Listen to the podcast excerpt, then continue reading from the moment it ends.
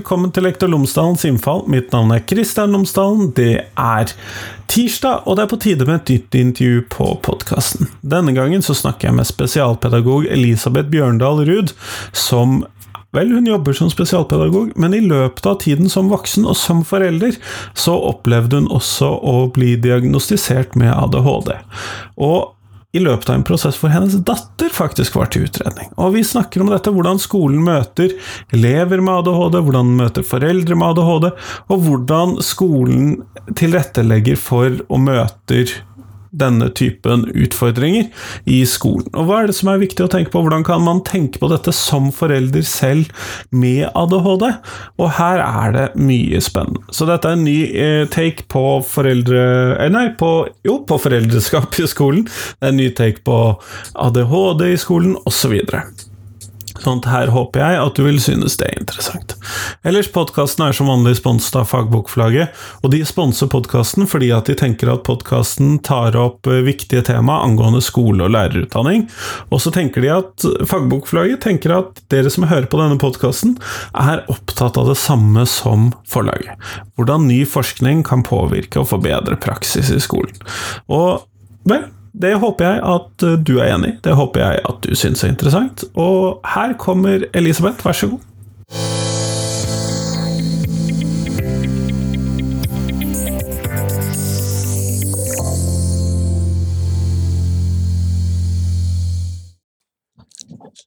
Elisabeth Bjørndal Ruud, tusen takk for at du har tatt deg tid til meg i dag. Så koselig å komme. Før vi kommer ordentlig i gang, så hadde jeg håpet at du kunne fortelle lytterne mine tre ting om deg selv, sånn at de kan få bli litt bedre kjent med deg. Ja, tre ting. Um, jeg er 47 år. Det er kjempeinteressant. Um, jeg har ADHD sjøl. Fikk diagnosen for tre år siden uh, i forbindelse med at min yngste datter fikk det. Og så fikk min eldste datter det. Hun er 22. Um, Man skulle og... nesten tro det var genetisk. nesten. Og eh, ja, og siden det har jeg jo hatt en hyperinteresse i dette, da, i eh, ADHD. Jeg har jo alltid hatt en forkjærlighet for Aspergers syndrom. Nå eh, skiftet det til autismespekteret i 2012, men så er det jo en sånn De er jo uenige i autismemiljøet også, da, om man skal få lov å kalle det Asperger likevel, da, de som har fått den diagnosen. Men min bror har det, og når han fikk det i 92, så bestemte meg for at dette her, dette visste verden for lite om. Jeg skulle, som mission, det var å passe på at alle mennesker skulle bli behandlet med respekt, og også de. For det opplevde jeg var veldig dårlig med kompetanse på det den gangen. Og så er det egentlig det litt nå òg, opplever jeg. Og nå har jeg sikkert sagt åtte ting, minst, om meg sjøl. og det er helt i orden. Men uh, du har jo da uh, du har jo da kalt det du driver med, så bruker du ADHD pluss uh, og du har, har, noen andre begreper du bruker inni der. og mm. Hvorfor har du valgt å bruke det? ADHD syns jeg er veldig gøy. Ja, Hvorfor ja. bruker du det på den måten? Nei, det var vel Jeg fant vel ut at jeg måtte Min yngste datter falt ut av skolen fordi hun hadde udiagnostisert ADHD. Og eh, klarte ikke å komme seg inn igjen i skolen. Når ikke jeg da følte at jeg klarte å hjelpe henne inn igjen i skolen, jeg som tross alt var lærer og spesialpedagog, så eh, åpnet jeg en Instagram-konto for liksom å være et godt forbilde da, for, eh, for, mine barn, liksom at man skal være stolt av den man er. Og jeg hadde ikke noe behov for oppmerksomhet, så dette var jo ut av min komfortsone som det holdt. Men eh, det var på en måte, da er det, står du der, og når barna dine ikke har det godt, så gjør du hva som helst. Og jeg hadde aldri trodd at det var så mange som skulle begynne å følge meg. Jeg husker jeg fikk én følger som jeg ikke visste hvem var, og ble sånn Gud, her er det en fremmed som begynner å følge meg! liksom. Men det var jo um, Det var sånn respons der ute. Um, og før jeg visste ordet av det, så var det ble det rett og slett min hobby på Altså, det var hvert ledige sekund drev jeg på med å svare folk. Og da viste det jo seg at det var veldig mange som hadde også Aspergers syndrom, eller autisme i tillegg til ADHD. Og det som var overraskende, var jo det at det var såpass mange. Og da begynte jeg å lese om det. Og derfor heter det Eller heter ikke, men jeg har kalt det AUDHD, for da er det A, ADHD, og så U-en for autisme, liksom, på en måte. A-en for dobbel betydning. ja. ja, rett og slett. Men når du da snakker med disse Dette er jo da ikke mennesker i skolealder.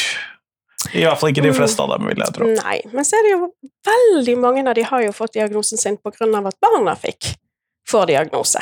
Litt sånn som deg selv, Litt, altså? litt sånn som meg sjøl. Sånn at eh, det som jeg også opplevde eh, når jeg jobbet som eh, lærer, eller jeg er jo lærer ennå, men det var jo det at eh, jeg kan hjelpe barna, og jeg kan lære de opp, men hvis foreldrene ikke vet, og foreldrene går udiagnostisert, så, så trenger foreldrene hjelp. Og så spurte de meg om hjelp, og så ble det til at jeg det er jo de som trenger hjelp til å kunne håndtere barna hjemme også, sant? Og jeg fant ut at gud, at det er så rart at ikke foreldrene blir coachet mer, sant? Så det fant jeg ut at det var en sånn Det syntes jeg var veldig gøy, og følte det var veldig nødvendig. Og da tenker jeg at da drypper det på barna også. Det, det du sier der, syns jeg jo er eh, veldig viktig på mange måter, fordi at jeg har også barn med ADHD. Mm. Eh, og jeg satt litt med en opplevelse under utfyllingen av skjemaene at det er nok en viss fare for at jeg har det selv, jeg også.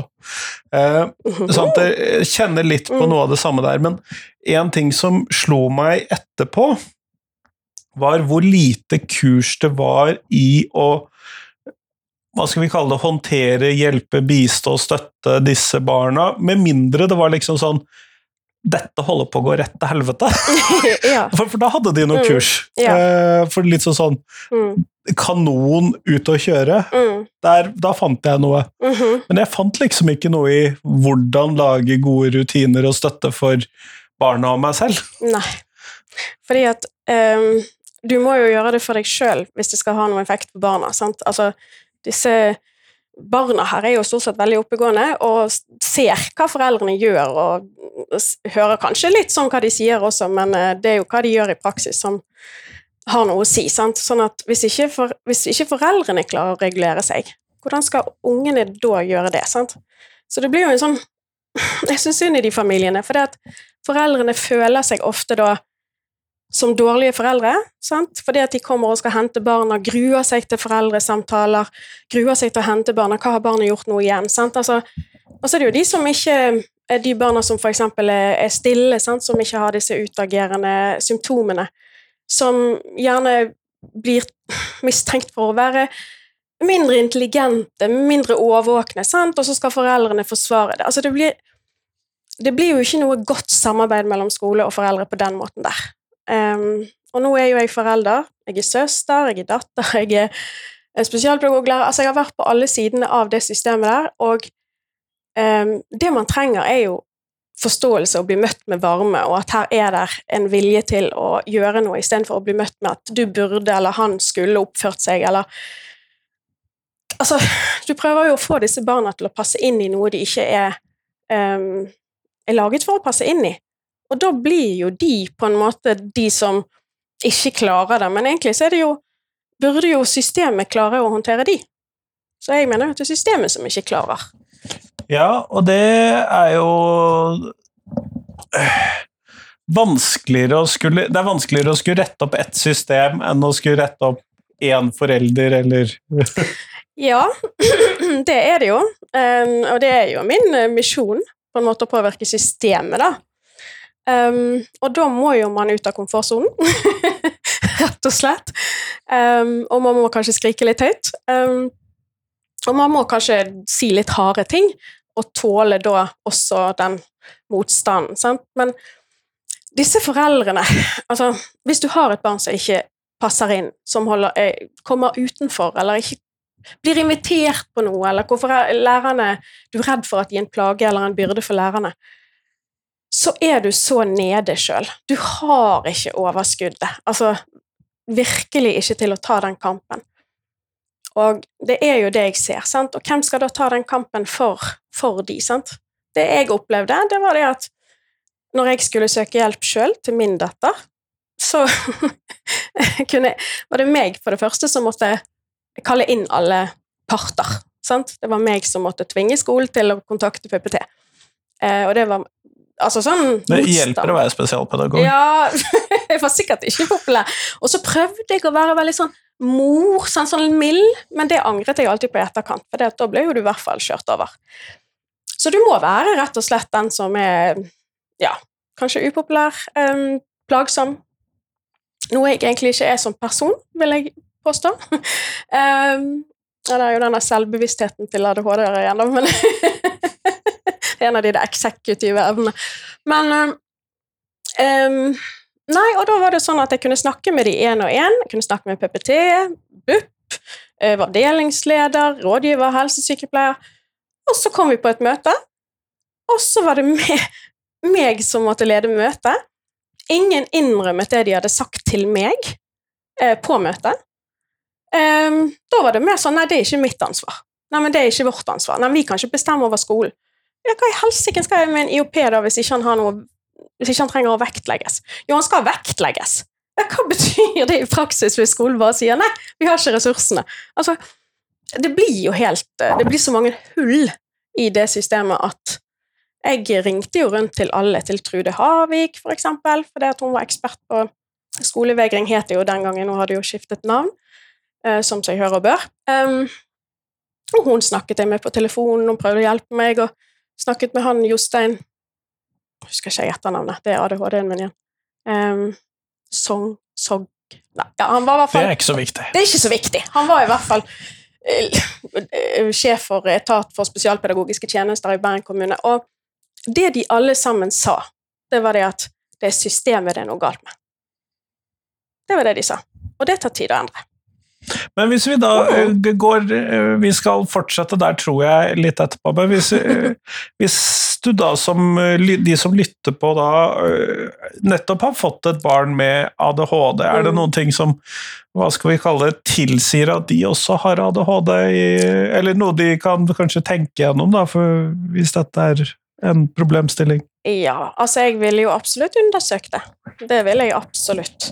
Um, eh, ADHD Norge har jo et sånt eh, hefte som heter ADHD hos kvinner, eksempel. Um, og det er ikke sånn at alle menn fikk diagnosen, og det er bare kvinnene som ikke har fått diagnosen. Det er mange menn som ikke har fått diagnosen.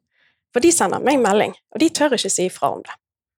For det er akkurat så et eller annet med at de, nei, de var rolige, de var ikke sånn tøffe gutter som spilte fotball og bråkte og kom i slåsskamper og sånn. Det var gjerne de som satt helt stille og hadde lyst til å tegne. Sant? Så det er jo, det er jo spekter av dette også. Um, fordi det er absolutt viktig, tror jeg, da, å undersøke. Det er ikke sånn at du nødvendigvis har det, men uh, hvis Det er i hvert fall en økt det, fare. det er veldig økt fare. Så hvis du kjenner at du er, ligner litt på barnet ditt, så ja. Men eh, hvis vi da skal eh, ta da dette her eh, tilpasningen, eller dette systemet hvis, dette, eh, hvis vi da så for oss at dette systemet faktisk funket, hva er det du da kunne se for deg at det faktisk bidro med? åh, oh, flere voksenpersoner inn. Altså hvis, hvis det er sånn, og mer fleksibilitet for disse elevene. Um, hvis det tar tid å skaffe ressursene til skolen, for skolen er pliktig til å skaffe de ressursene de eventuelt ikke har, um, så er det så viktig at eh, um, det er nok voksne i mellomtiden. Så, og så Jeg vet jo at uh, jeg som lærer i min tid hadde ikke Dette var ikke i mitt pensum. Sant? Så det er én ting at lærerne skal lære seg for, for tilleggsutdannelse i, i matte, engelsk og norsk, men hva med, hva med ADHD og autisme og alle disse som skal inkluderes i skolen? Det er jo Og det å være lærer for en hel klasse og Hvis du er en god klasseleder, så skal eh, alle i den klassen her har det godt. Og hvis du klarer det, så er mye gjort. Men eh, og det kan man få til, men da er det jo dette med både kunnskap Jeg er spesialpedagog, så jeg har den kunnskapen. Men alle mine kollegaer, for eksempel, som også har lyst til å gjøre en god jobb, sant? og så eh, får de ikke det til. Det er ikke nok voksne. De vet ikke hva de skal gjøre. Så nok voksne eh, Nok voksne, mer utdannelse, mer tid til å sette seg inn i ting. Mindre vurdering og resultatorientert læring. Mer individuell opplæring, altså det vil si lag stasjoner sant, i klasserommet. Um, jeg vil sikkert påstå at mitt klasserom ikke nødvendigvis var det stilleste, men det var fullt av positiv kaos. Sant? Det var noen som forsket i hjørnet, og så var det noen som uh, sant, Du kan lage en krok med en sak og litt sånn, og så er det lesekroken, de, at noen kan få sitte med høretelefoner på, sty, altså støydempende høretelefoner på. Um, noen ADHD-er lærer jo best når de har lyd på ørene. At de har på ja, hvit støy, eller hva det heter, white noise og grey noise og alt dette. Uh, at man er langt mer fleksibel. Og så er det det at hvis en med ADHD er så sliten at en hel skoledag er for lenge. Så hvorfor de, Den fleksibiliteten om at de da må få lov å kunne gjøre noe annet. Um, og da må man ha flere voksne, sant? Det er jo det. Er jo det.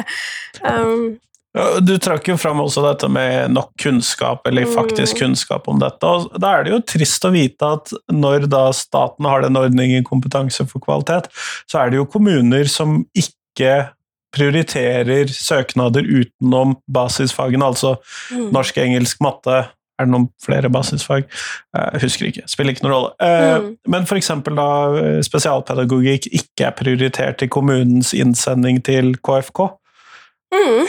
Inkludert dessverre da din arbeidsgiver Bergen kommune. Mm -hmm. Mm -hmm. som jeg vet har den, hatt den prioriteringen i hvert fall inntil i år. Mm. Så får vi se hva de har neste år. Og så er det dette med at disse fagene her, engelsk, norsk, matte, det er fag vi som lærere kan faktisk klare å lære oss på egen hånd. Altså, det kan vi, med tid. Uh, men spesialpedagogikk, det der å lære seg hvordan en nevrodivergent hjerne opererer, det skal litt mer til. Og ja, for det krever jo faktisk teoretisk kunnskap. ja. Ikke det at de andre tingene Nei. ikke krever det, men det, der har vi flere ressurser tilgjengelig. Ja, Sant? Og dette med erfaringskompetanse, hvorfor ikke bruke mer av det?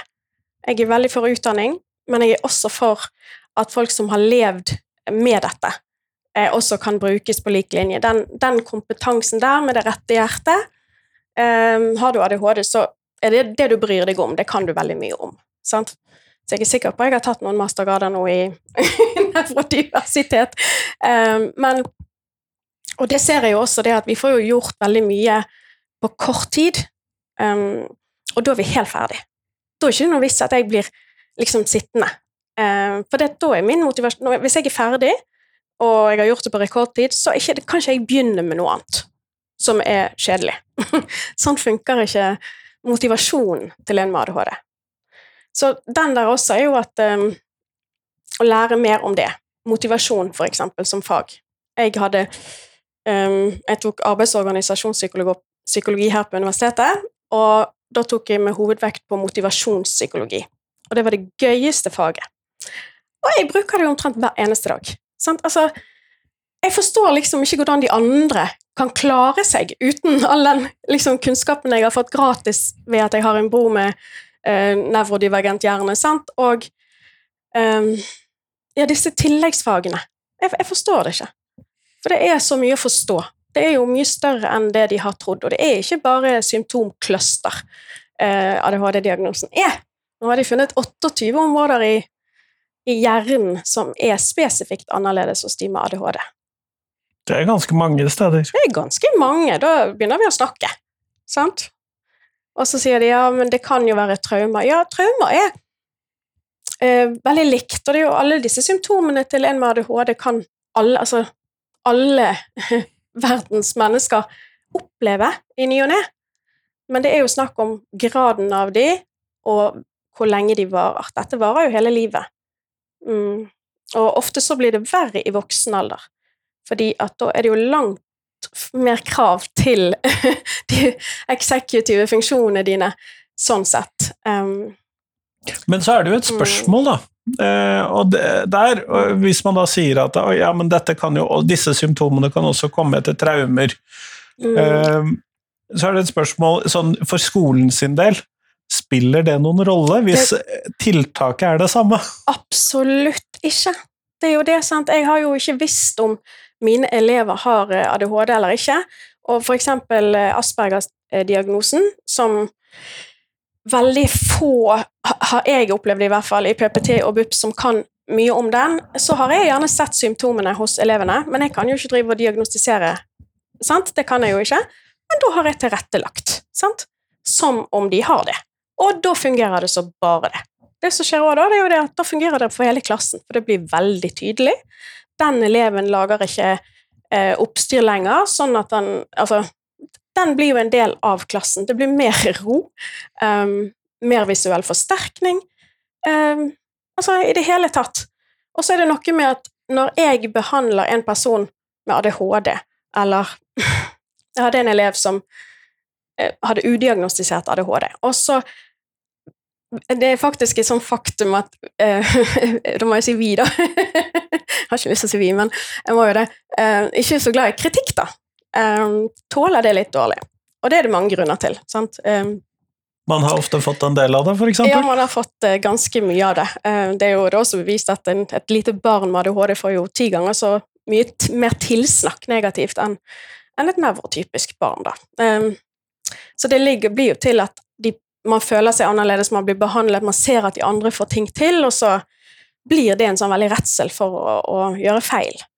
Um, derav også mange jenter med perfeksjonisme og masking, sant? for de, vil ikke vise at de, de har noen problemer. Men nå, av, nå, nå maste jeg meg ut av min egen tankerekke. Men hvis vi maser deg inn i en annen Ja. tankerekke, da, fordi at du snakket jo nå om masking, og hva mener du da? Um, ja, det er jo egentlig bare et forkortet ord for maskering, sant? at man uh, skjuler uh, hvordan man egentlig har det. Kompenserer, rett og slett? overkompenserer, hermer, kopierer, um, pleaser, sant? Noen um, lyger, sant? At de da Det blir så slitsomt at de da um, ikke klarer å være sosiale, og så, så, så lyger de mye, sant? Altså, all, all mulig atferd for ikke å Fordi at de vet jo gjerne ikke hvorfor sjøl. Så ofte er de jo veldig sensitive for lyd og lukt og um, smak og berøring og altså sånn, sånne lapper på klærne, sant. Um, strømpebukser med sånn søm innvendig. det kan være krise, sant. Um, og så ser de at den reaksjonen de har, er uakseptabel. Og de ser at foreldrene blir sliten. De har gjerne søsken som de sammenligner seg med, sant, som ikke har de samme problemene med å få dette til. Um, så det er jo klart, dette blir jo um, Det blir veldig mange som masker. Både gutter og jenter, faktisk. Eh, og det vet vi jo av, av psykologien, at eh, det å maske og ikke kunne være seg sjøl, det blir man syk av over tid. Og da er det jo ikke noe rart at eh, 90% av de med ADHD har tilleggslidelse. Eh, og det er ofte tilleggslidelsene man først får behandling for. Og de fire mest vanlige det er depresjon, angst, spiseforstyrrelser og rusavhengighet. Og nå viser det seg at den avhengigheten den går også på overspising, f.eks., spesielt hos voksne. Um, og det er blitt en egen eh, spiseforstyrrelsesdiagnose, på lik linje som bulimi og anoreksi. For det, er faktisk eh, Du blir en avhengighet av sukker og spising. Og det er det også mange grunner til, fordi at eh, man har den samme uregulerte kroppen på innsiden. Sant? Alt henger jo sammen. Så tarmer og Det er jo først nå man har begynt å snakke om vagusnerven, sant? som liksom connecter hjernen med mage og i det hele tatt. Sant? Så de vet jo langt mer nå. Også om dopamin, sant?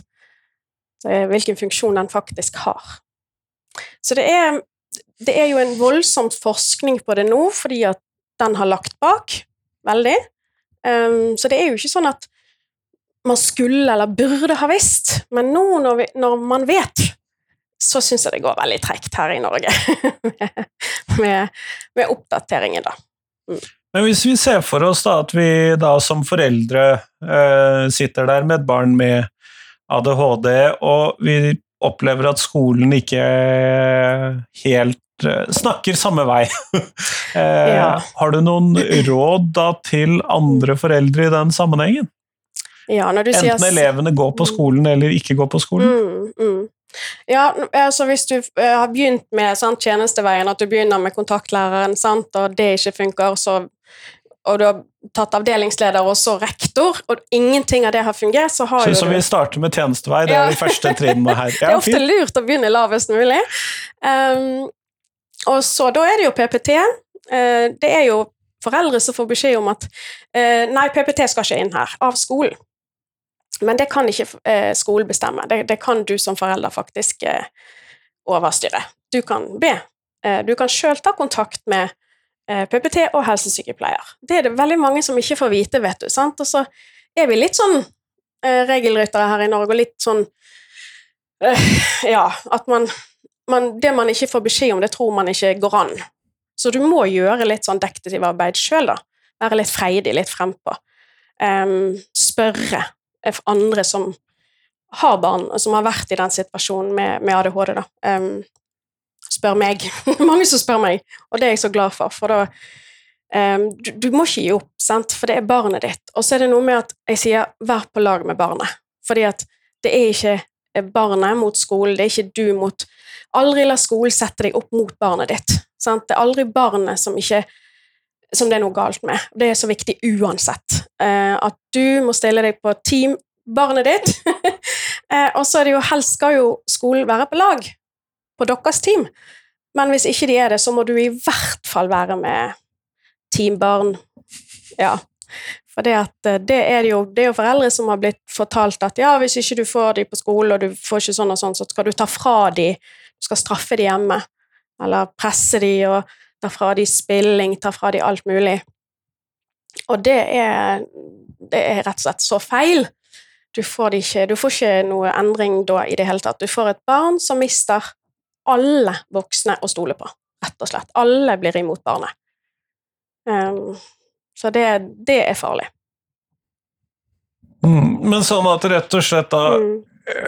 Gå tjenestevei, Ja. Husk at man kan prate med PPT på egen hånd, Ja. og være på lag med barnet. Ja, og så har du Statped òg. Det er det veldig få som vet om, at Statped kan komme og veilede PPT, hvis PPT ikke har nok kompetanse. Så det holder aldri eh, at PPT eller skolen sier 'nei, dette får vi ikke til'.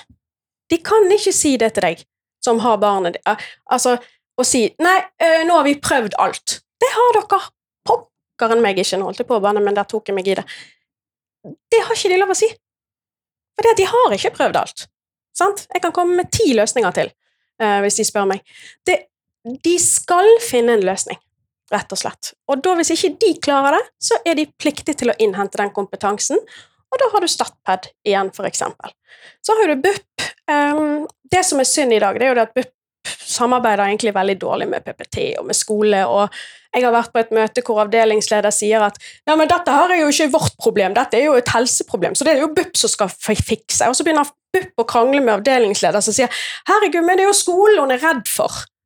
Da må jo det fikses på skolen, sant? Og så, og så sitter de og skylder på hverandre, og så tenker jeg ja, men i all verden.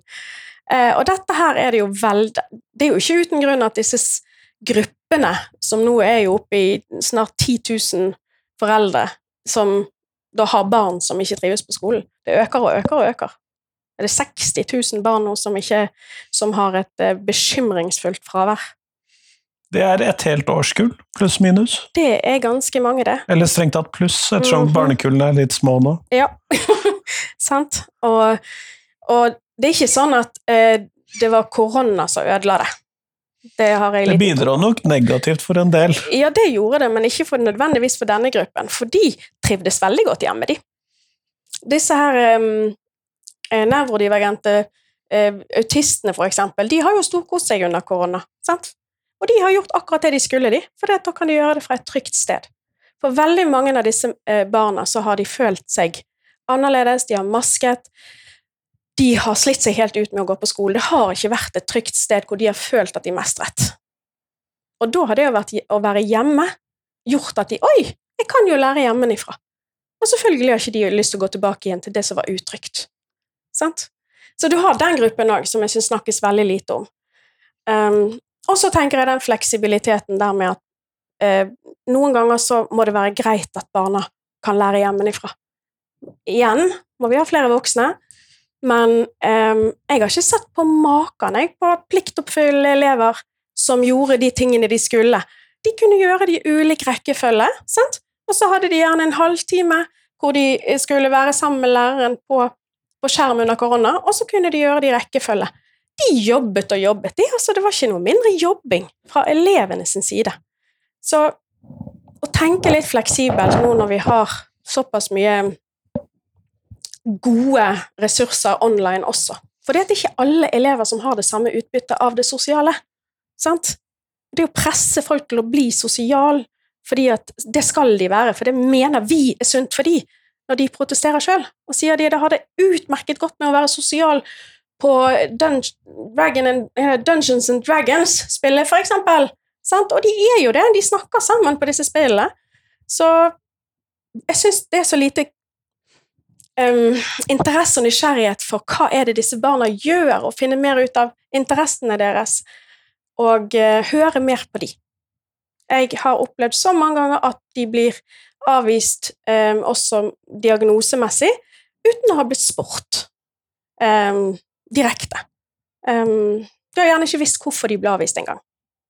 Uh, en fikk avvisning fordi at uh, han, hadde ikke, han hadde øyekontakt. Um, og når vi snakket med han, så kunne han fortelle at han hatet å ha øyekontakt.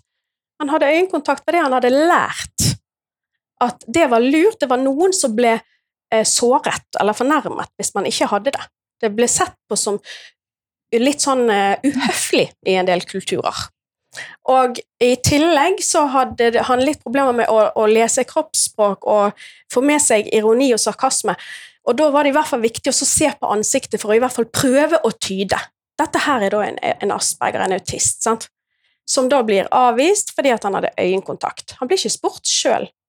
Så åh, Spør, spør barna! Men i noen fylker ja. så har de jo nå etablert sånn nett-videregående eh, varianter. Mm. Eh, kunne det vært aktuelt, tenker du, også i lavere årssiden? Altså, det er jo dette med foreldre òg. Hvor lavt ned sant? kan uh, unger klare seg uh, Altså uten noen hjemme. Det er jo en sak. Men, men jeg tenker at i hvert fall på på uh, videregående og ungdomsskole, så burde det kunne i hvert fall være deler av skoledagen være litt sånn. Fordi at de blir helt ferdig utslitt. En ADHD-hjerne, som jeg nå leste forskningsrapport på, den kan prosessere opptil fire ganger så eh, mye og, som en nevrotypisk hjerne gjør. Og hvis vi er veldig interesserte, så er det jo da den konsentrasjonen eller fokuset eh, kommer, og da kan vi lære veldig raskt. Men det som er, det er jo det at hjernen vår bruker jo enormt med energi. Det er jo en stor muskel, denne hjernen. sant? Det er jo klart det at da er vi tilsvarende sliten etterpå. Så dette med å Sånn burde det jo vært i arbeidslivet òg, da. mener jeg, sant? Jo, men der kan du i det minste ja. velge yrke, eller ja, velge arbeidsplass, kan, men det, eller Akkurat. Nettopp. sant? Og det kan man jo da ikke som elev. De har jo ingen å snakke for seg, ikke sant?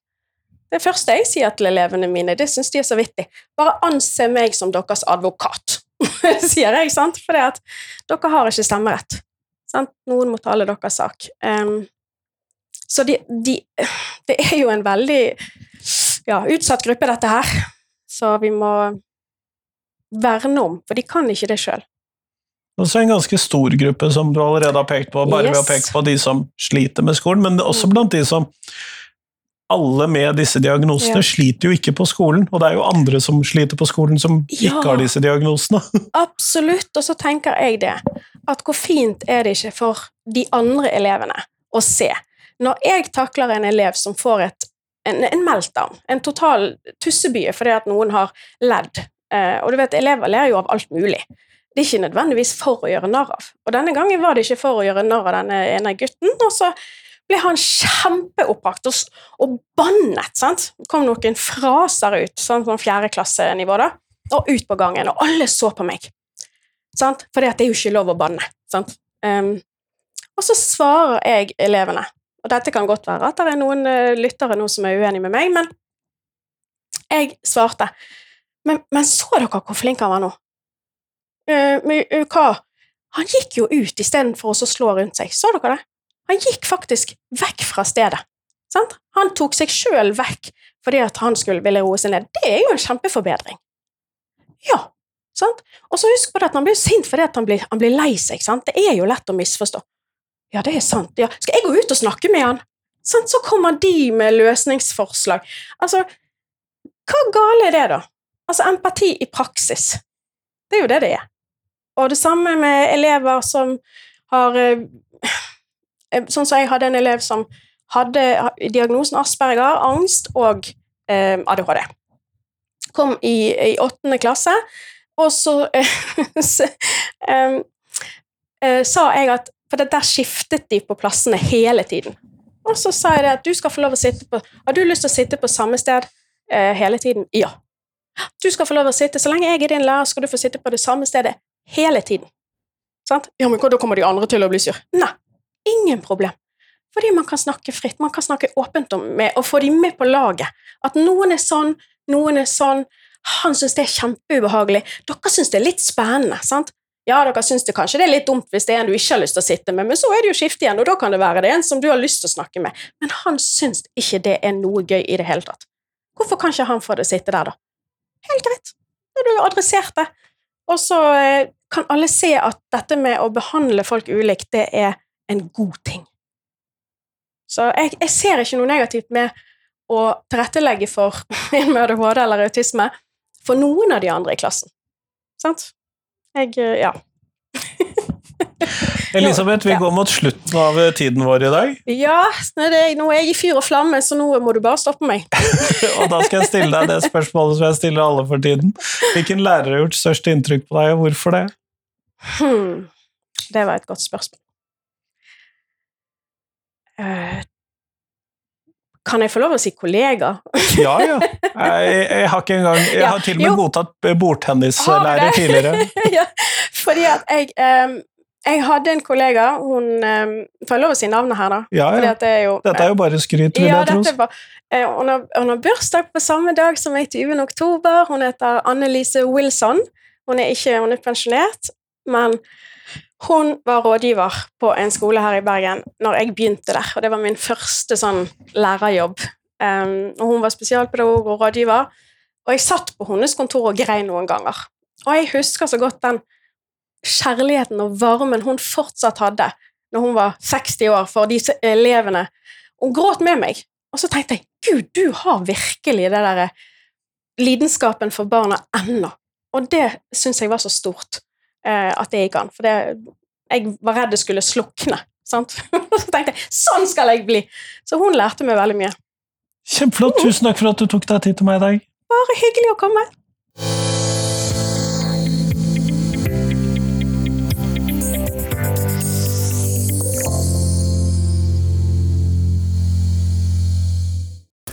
Tusen takk til Elisabeth, og tusen takk til deg som hørte på. For noen uker siden så sa jeg det at podkasten nå var inne i sitt åttende år, at den hadde fylt eh, syv år. Og det var nesten riktig, fordi at eh, syvårsdagen i eh, podkastens historie, det er 18 oktober, altså i morgen, hvis du hører dette samme dag som jeg slipper podkastepisoden. Sånn at når du hører dette, så er det mulig at podkasten er inne i sitt åttende år, og det synes jeg fremdeles er veldig gøy, og jeg håper at du har satt pris på podkasten i den tiden den har eksistert. Og jeg lurer jo på hva mer trenger jeg å dekke på podkasten? Hvilke temaer skal jeg ta opp igjen? Hvilke temaer skal jeg dyppe dykere ned i? Dypere ned i? Hva vil du høre på podkasten? Send meg tips om det.